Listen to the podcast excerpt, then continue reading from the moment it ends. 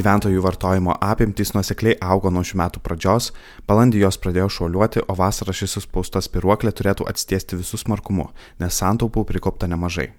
Tačiau tikrai nemažai daliai gyventojų vis dar kyla klausimas, ar jau metas savo leisti daugiau. Juk pandemija į visus mūsų ankstesnius įpročius privertė pažvelgti su nauju atsargumo filtru. Šių metų pavasarį Svetbank užsakymu atliktas tyrimas atskleidė, kad per metus taupančių gyventojų skaičius išaugo 60 procentų.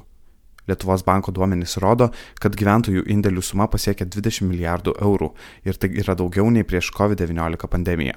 Būtent pandemija ir buvo pagrindinė taupimo priežastis, nes beveik neturėjome progų keliauti, lankytis restoranuose ir kavinėse, nevyko renginiai, neveikė pramogų vietos. Kitas svarbus veiksnys - gyventojų nuotaikos šiuo metu yra akivaizdžiai geros. Pavasarį Lietuvos gyventojų ir pramonės pasitikėjimo rodiklis ko nepasiekė prieš pandeminį lygį. Kas savaitę gerėjant epidemiologiniai situacijai ir švelnėjant karantino suvaržymams, atrodo, kad žmonių leidžiančių vakarus prie staliukų kavinėse yra daugiau nei bet kada anksčiau. Be to reikia turėti omenyje, kad užsienio turistų skaičius vis dar išlieka mažas. Kaip taisyklė, vasaros atostogų metu gyventojų vartojimas visada išauga. Tačiau šiais metais Svetbank apklausoje dalyvavę žmonės demonstravo dar didesnį optimizmą. Dvigubai didesnį atostogų biudžetą nei anksčiau planuoja beveik 40 procentų gyventojų, o jį trigubinti žadėjo ko ne kas penktas gyventojas. Vienu metu augantis ir atsidedamų pinigų kiekis ir vartojimas yra įdomus fenomenas. Jis demonstruoja, kad žmonės tarsi pasidalino į dvi grupės.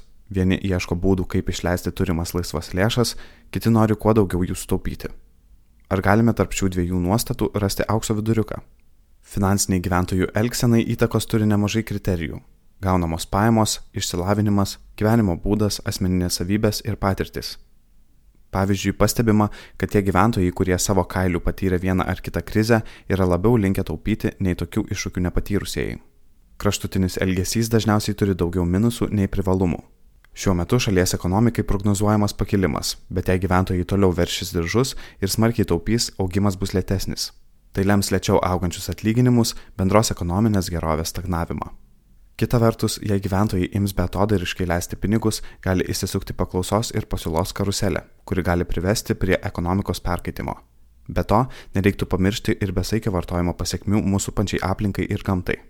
Visgi yra keletas dalykų, kurie padėtų surasti taupimo ir išlaidavimo balansą. Jis primena visiems gerai žinomą saugumo taisyklę. Pirma degonės kaukę dedu savo, o tada rūpinosi aplinkiniais žmonėmis. Pirmasis ir pagrindinis taupimo tikslas turėtų būti susikurti finansinį rezervą. Tai mažiausiai trijų mėnesių atlyginimų sumą siekiančios santaupos, kurios užtikrintų jūsų finansinį saugumą atsitikus nenumatytiems dalykams. Įvairūs skaičiavimai ir apklausos rodo, kad gyventojų dalis, kurie kaupia būtiną finansinį rezervą, Lietuvoje daugėja ir tai labai džiugina. Tačiau čia svarbu nepamiršti, kad finansinis rezervas toks turi ir būti. Tai yra neliečiama pinigų suma, kurios nereikėtų išleisti vartojimui per išpardavimus ar atostogas. Nemažai gyventojų tiki, kad kuo daugiau pinigų jie atsidės ir sutaupys, tuo jie taps turtingesni. Visgi toks pasyvus taupimas pinigų neaugina ir taip laikomus pinigus tiesiog valgys infliacija. Turtingesniais galime tapti tik tada, kai laisvas lėšas investuojame. Šiuo metu finansų institucijos siūlo įvairių patogių būdų ir įrankių, kuriais galima išbandyti investavimą ir nuo itin mažų sumų. Dėl to, jei jau turite lėšų nenumatytiems atvejams, galite išbandyti ir investavimo sferą. Jei esate sukaupę finansiniam rezervui, taip pat atsidedate dalį lėšų investavimui, kaupiate pensijai ir vaikų ateičiai, prieš išleisdami turimus laisvus pinigus atminkite, kad pinigai yra savotiškas balsavimo biuletenis. Pinigais parodome, ką norime paremti, kieno prekes ir paslaugas įsigyti. Tad turėdami pasirinkimą visų pirma balsuokime už tuos, kurie yra šalia - vietos ūkininkus, gamintojus, pardavėjus ar įvairių paslaugų tiekėjus. Taip labai padėsime mūsų šalies verslo sektoriams, kuriems prireiks laiko atsigauti ir kurie negalėjo pasigirti didelėmis apyvartomis pandemijos metu. Rinkdamiesi netaupimo atostogas šią vasarą ir aktyviai balsuodami pinigais, kartu neišleiskite atostogauti ir finansinės drausmės tegu ji toliau dirba. Tai padės išvengti finansinių pagirių, to jausmo, kai po gerų atostogų vakarėlio vėl keliams mėnesiams tenka susispausti, o gal net ir skolintis. Pinigai yra įrankis, kuris gali padėti jaustis gerai ne tik per tas porą atostogų savaičių, bet ir kiekvieną dieną. Ir dėl atostogauti neišleistos finansinės drausmės jūsų piniginė ar sąskaita tik padėkos.